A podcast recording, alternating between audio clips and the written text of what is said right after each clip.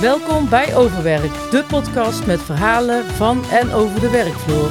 Met Jeroen Heijsma. En Remco Boer. In deze aflevering praten we met Tom van Engelen over de scheiding tussen werk en privé, passie voor je werk, het uitsterven van de journalistiek en zijn midlife crisis. Tom, zou jij jezelf even kort willen voorstellen? Ik ben eh, Tom van Engelen en ik ben 42 jaar. En ik eh, ben opgeleid als journalist. Eh, heb 12 jaar bij eh, nieuwsmedia gewerkt. Maar werk nu in de aannemerij als schrijver van aanbestedingen. Heel even kort alvast, want heb je in de auto al een beetje gesproken hierover? Ja. Dus de Nou, voorbespreking in heb je al principe gehad? de, de wereldpolitiek even doorgenomen. Klim- Klimaatverandering, eh Ja, risico's, Zweedse, Zweedse gebruiken. Zweedse gebruiken, energie, eh, transities. Eigenlijk alles wat eh, een beetje relevant is, hebben we al gedaan. Dus we kunnen nu met de podcast eh, gewoon leuke dingen... eh, Ja. kan het, eh, het kan over werk gaan. Nou, fijn. We hebben ook al even een voorbespreking gedaan. Ja. Jij werkt nu ergens om te werken. Daar kwam het een beetje op neer. Ja. Dat je niet echt gepassioneerd bent over... ja, gepassioneerd ben ik wel, maar eh, afgemeten. Meer afgemeten. De, de, de uren dat ik werk, eh, zit mijn passie er wel in. Mhm. Maar eh, in, in scherp contrast met hoe ik eerdere banen in mijn carrière heb gehad, eh, neem ik het werk niet meer mee naar huis. En is het meer afgebakend. En ja, in sommige ogen zou je dat misschien kunnen interpreteren als ongeïnteresseerd. Van nou, het is voor hem nu vijf uur, hij gaat naar huis. Dat is natuurlijk niet aan de orde. En, en dat komt echt uit ervaringen uit het verleden. Om die scheidslijn wel aan te brengen. Welke ervaringen? Eh, ja, met eh, mijn eerste werkgever. Ik heb journalistiek gestudeerd. En eh, direct na mijn afstuderen kwam er zo'n buitenkans om ergens meteen aan de slag te gaan. Ja, dat, daar ben ik ingerold en meteen aan de gang. Dus je bent op je, op je twintigste aan de slag. Ja. En eh, dat deed ik met de passie van een eh, idealistische journalist van 20. van Ja. 20. Ja. Dus Dus eh, eh, vol gas erin. vol gas. En dat, dat vol gas ben ik altijd blijven geven. Ja. En eh, dusdanig zelfs dat, eh, ja, dat je ook wel eens tekenen van eh, te veel gas eh, eh, geeft. En, en dat je dan ook wel eens feedback krijgt van je leidinggevende of, of nog een stap daar verder vandaan van mensen die je eigenlijk niet kennen. En die zeggen, ja, al die passie die jij erin stopt. En dat je in je eigen tijd s'avonds naar raadsvergaderingen gaat of bijeenkomsten of met mensen afspreekt buiten werktijd om interviews te doen. Want ja, mensen werken overdag, dus ik Ja, zat vaak ja. s'avonds te interviewen. En dat vond ik allemaal geweldig, maar ja, dat kost natuurlijk wel veel tijd. Maar daarvan werd dan gezegd, ja, doet het ook helemaal verkeerd. Je moet het gewoon lekker naar jou toe laten komen eh, in de mailbox. En je moet die tekstjes verwerken en zet het maar in de krant. En, en je eigen inbreng, ja, dat mag wel wat minder. Er werd mij eigenlijk gezegd, alles wat je doet, is niet hoe we het willen doen. En ja, dat, voor, voor mij was dat wel een knak in mijn motivatie. Ja, dat begrijp ik, want je hebt een bepaalde passie en je wil iets neerzetten. En dan zegt iemand anders tegen jou van, eh, doe maar even rustig, Pietertje. Ja. hè? Ja, ik vraag, ik vraag me ook een beetje af waarom ze dat zeggen. Ja. Want als zij natuurlijk zelf dat zien en denken, ja, maar dat wil ik niet gaan doen. We moeten hem een beetje terugfluiten. Want anders Ja. krijg ik dadelijk zelf dat ik niet genoeg inzet heb. het lijkt wel een overheidsinstelling. Ja, Het was wel iemand uit Den Haag die dat zei, dus misschien is Mm, dat een mm. indicatie. ja ik kan me wel voorstellen wat, dat je dan opvalt, ook binnen, eh, binnen de groep Het of binnen, binnen op. je collega's. Het viel wel op, ja. En het is, eh, in die zin was je ook wel iemand van, van wie anderen zeiden, oh, die, die is altijd bezig en werkt, werkt te hard. Maar voor mij was het geen werk, het was eh, een levensstijl. eh. Ja. Waar ik woonde, dat was vlakbij de kazerne. Dus als s'nachts eh die sirenes afgingen en iedereen eh, rukte uit. Ja, dat was in de begintijd eh, toen Twitter nog gewoon met het vogeltje was. Dan, dan ging ik online om te kijken van waar gaan ze naartoe? Waar is het brand? Ja, je zat met een verre kijken naar postduiven. te- ja, echt. te Nou, ik ben wel s'avonds Ja. dat ik op de bank zat in mijn onderbroek, dat ik snel een, een zwembroek heb aangetrokken. En achter een, hoe heet zo'n ding, een trauma-helikopter aan mij aangerend. Die over kwam vliegen en in, bij ons in de wijk landde. Ja, dan kijken, wat is er aan de hand? En dan was ik inderdaad een, een eh, echtelijke ruzie dusdanig uit de hand lopen dat er pistolen en messen bij waren. Kaatsheuvel. Het was niet een kaatsheuvel. maar eh, het was heftig. En dat, ja, dan gaat je hart toch kloppen, want dat verhaal wil je, wil je hebben. Ja. Ja, en daar ging ik voor, ook al was ik maar bij de plaatselijke krant die eh, elke week gratis in de bus komt. Dat, daar stond wel gewoon, waar ik achter stond, een Ja. goede verhaal in. Ja. Met, met een beetje meer jus dan eh, de andere bladen maakten. Nou, je zou denken dat zo'n eh, zo'n chef, manager, baas, hoe je het ook wil noemen, dat hij dat juist fijn vindt dat je zo'n Ja, eh, enthousiaste als- medewerker Als, hebt. ik redacteur zou zijn, Ja. daar, dan zou ik denken van... hé, hey, maar dit is goud, die gast wil ik houden. Ja, je- misschien dat je getemperd wordt van, eh, eh, eh, Zorg dat je het wel kan blijven doen. ja, hè, dat je jezelf niet voorbij gaat lopen, Ja, maar precies. Nou, ik denk dat die, dat die hokjesgeest eh, dat dicteerde. Wij zaten bij de weekkrant die elke woensdag of donderdag bij de mensen op de mat viel. En wat ik deed, vond men meer geschikt voor het dagblad. En als ik dan zei, ja, zet mij daar dan neer. Dat eh, ging dan ook weer niet. Dus ja, weet je, de, ik deed mijn journalistieke werk zoals ik dacht dat het goed was. En eh, ja, misschien bij het verkeerde medium, maar we maakten er wel wat moois van. En die krant werd graag gelezen. En juist in de tijd dat dat op social media begon te leven, dat je zodra de krant uitkwam, kreeg je ook de complimenten ervoor. Van, goh, je hebt wel een, een verhaal geschreven dat we nergens anders lezen. Nou ja, dat zijn toch de complimenten waar je Uiteindelijk schrijf je daarvoor natuurlijk, niet voor je collega's. Nee, precies. Gewoon echt voor de, voor de mensen. Voor je lezers en voor je eh, adverteerders. Waarvoor je ook, eh, ja, die eigenlijk in de omgeving van die mooie verhalen hun producten willen aanprijzen. Het was best een redelijk simpel eh, concept. Maar het, het heeft wel zeker 50 jaar goed gewerkt. Het, je ziet het nu overal wel verdwijnen.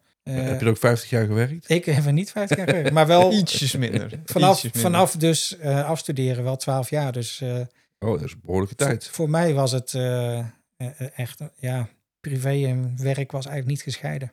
Nou, je hebt ook maar eh, één tijd. Hè? Ja, dat, daar hebben we het ook wel eens over gehad. Is er überhaupt wel werktijd en vrije tijd? Of is alles vrije tijd waar je ook in werkt? Nou ja, dat is nu dus, nu ligt dat echt wel anders. Ja. Eh, als je mij die vraag stelt, dan zeg ik ja, werktijd is echt wat anders dan vrije tijd. Ik kan me voorstellen dat sommige mensen om vijf uur de deur achter zich dicht trekken, naar huis gaan eh, en de boel de boel laten. Ik ben er zelf wel slecht in, maar ik kan me best voorstellen dat mensen daar wel zo in staan. Ja. Maar als er een, een, een activiteit is, dus collega's die gaan nog even samen eh, een vrijdagmiddagborrel doen of zo. Is dat dan ook iets wat je afslaat of sta je daar dan nog wel voor open? Voor dit groepsgevoel? Ja, beetje Dit ja. sociale deel. Ja. Zeker, zeker. Dat, eh, dat gaat gewoon door. Maar ik denk ook als, als journalist is het natuurlijk sowieso... ben je heel reactief op wat er om je heen gebeurt. Dus je, je, je kunt ook echt bijzonder weinig plannen natuurlijk. Ja, nou ja, Dat, je kan natuurlijk een proactieve journalist worden en zelf eh, dingen dat creëren. heet het activist. nee, maar de- de- ik neem, ja, nu ben je geen journalist meer. Dus je kunt ook veel makkelijker zeggen van... Klopt. plan het meer zelf in en ik, ik, ben meer, eh, ik heb meer regie over mijn eigen tijd. Ik, ik werk nu in de, in de aannemerij. Ik schrijf aanbestedingen. En daar zit wel heel veel deadline druk op. Dat zijn meestal eh, is een cyclus van een, van een week of zes, acht. Waarin je ja, informatie krijgt. Daar ga je op oriënteren, analyseren. En een oplossing eh, aanbieden. En die, die dien je in.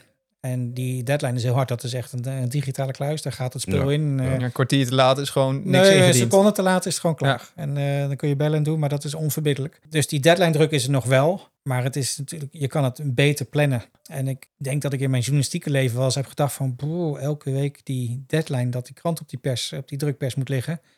Dat ik, dat ik nog wel eens heb gedroomd over een leven zonder die, die druk. Eh, en nu zit ik daarin en denk ik van... Oh ja, nu heb je nog steeds... Deadlines zijn er altijd. Dus ehm, Maar zo- zo'n deadline eh, komt eraan.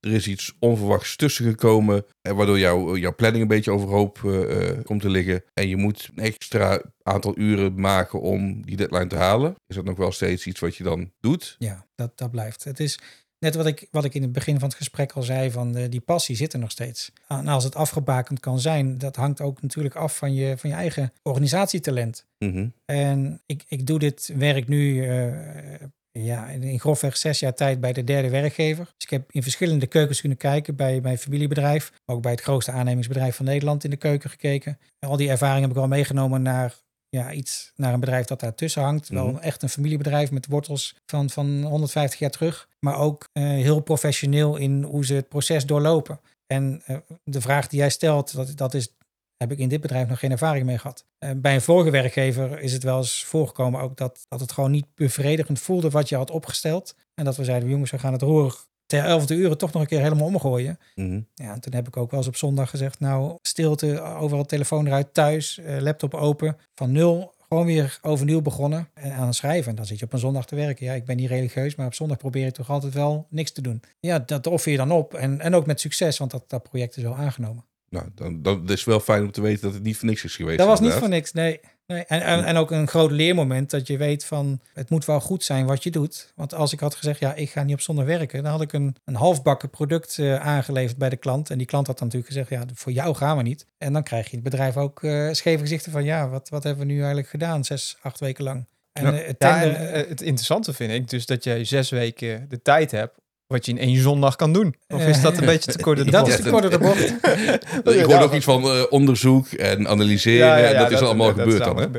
Eh, mijn taak is ook vaak aan het einde van dat proces. Eh, Het Om het op te schrijven. tot, Ja. tot een eh, leesbaar geheel. Ja, Ja. En, en dan is het eh, mooi om. Ik zit dan in de aannemingswereld, maar ik heb geen technische achtergrond. Ik moet het eigenlijk een beetje van de technische mensen horen. Maar uiteindelijk moet je het wel opschrijven. En gaat iemand het lezen die waarschijnlijk ook geen technische achtergrond meer heeft. Dat was tien jaar geleden misschien of zo, maar nu is het vaak een inkoper die wat leest. Ja. En die weet ook niet hoe je een brug bouwt of hoe je een plak asfalt neerlegt. Nee, precies. Dus eh, het schrijven van het verhaal, eigenlijk eh, de werkwijze, het plan van aanpak dat je aanbiedt, moet dusdanig toegankelijk zijn dat het ook voor jou en voor jou te voor begrijpen leek. eh, Voor de dus- leek. Ja, En dan is, kan je niks beter hebben dan dat een leek het ook schrijft. Ik denk het wel, ja. En dat is het is heel moeilijk om, om buiten jargon te blijven als, als dat je dagelijkse dag is. Absoluut. Maar ik denk, eh, om even terug te komen op Jeroen, van, eh, dat eh, het verschil met de journalistiek heel groot is, maar dat de manier van werken die je nu doet gewoon heel erg normaal is. Dat het misschien in jouw journalistieke tijd juist echt wel heel erg veel altijd werk, of, of dat het werk zo centraal stond in je leven, dat, dat er bijna geen plek was voor iets anders.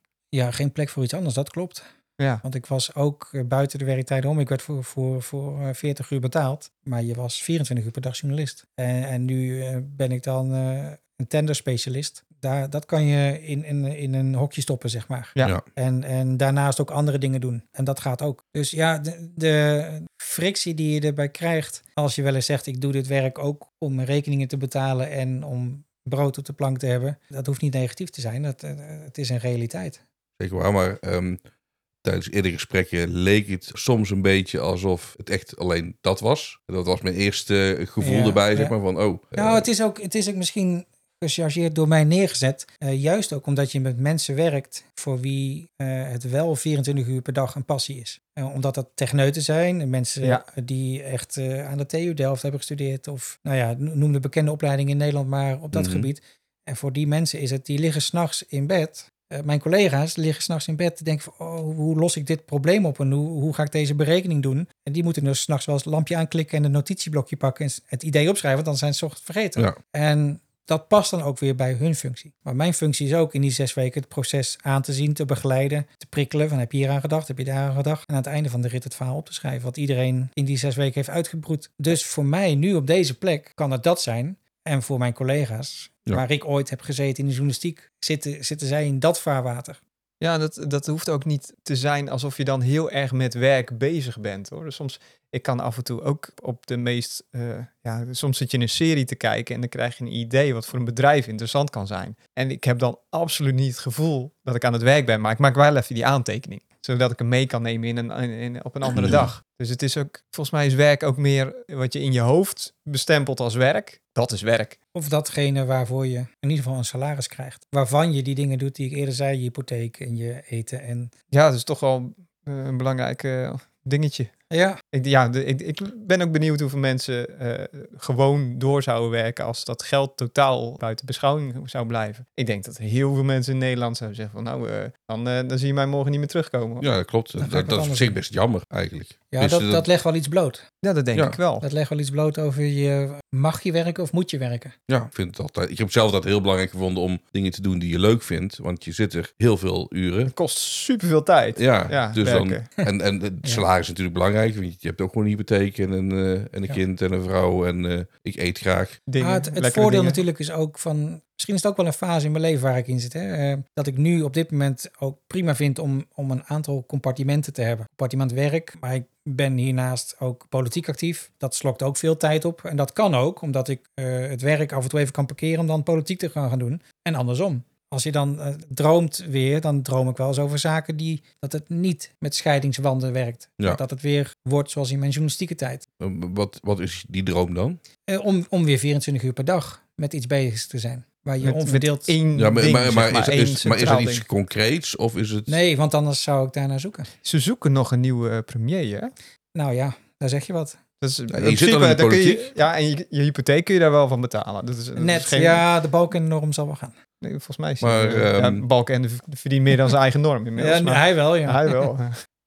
ehm, je hebt niet echt een idee wat dat dan zou moeten zijn. Ben je nog aan het soul searchen of eh, dagdromen? Of is het gewoon ergens in je achterhoofd dat het zit? pro- het probleem is dat ik het niet weet. En als je niet weet wat je moet doen, moet je niet doen.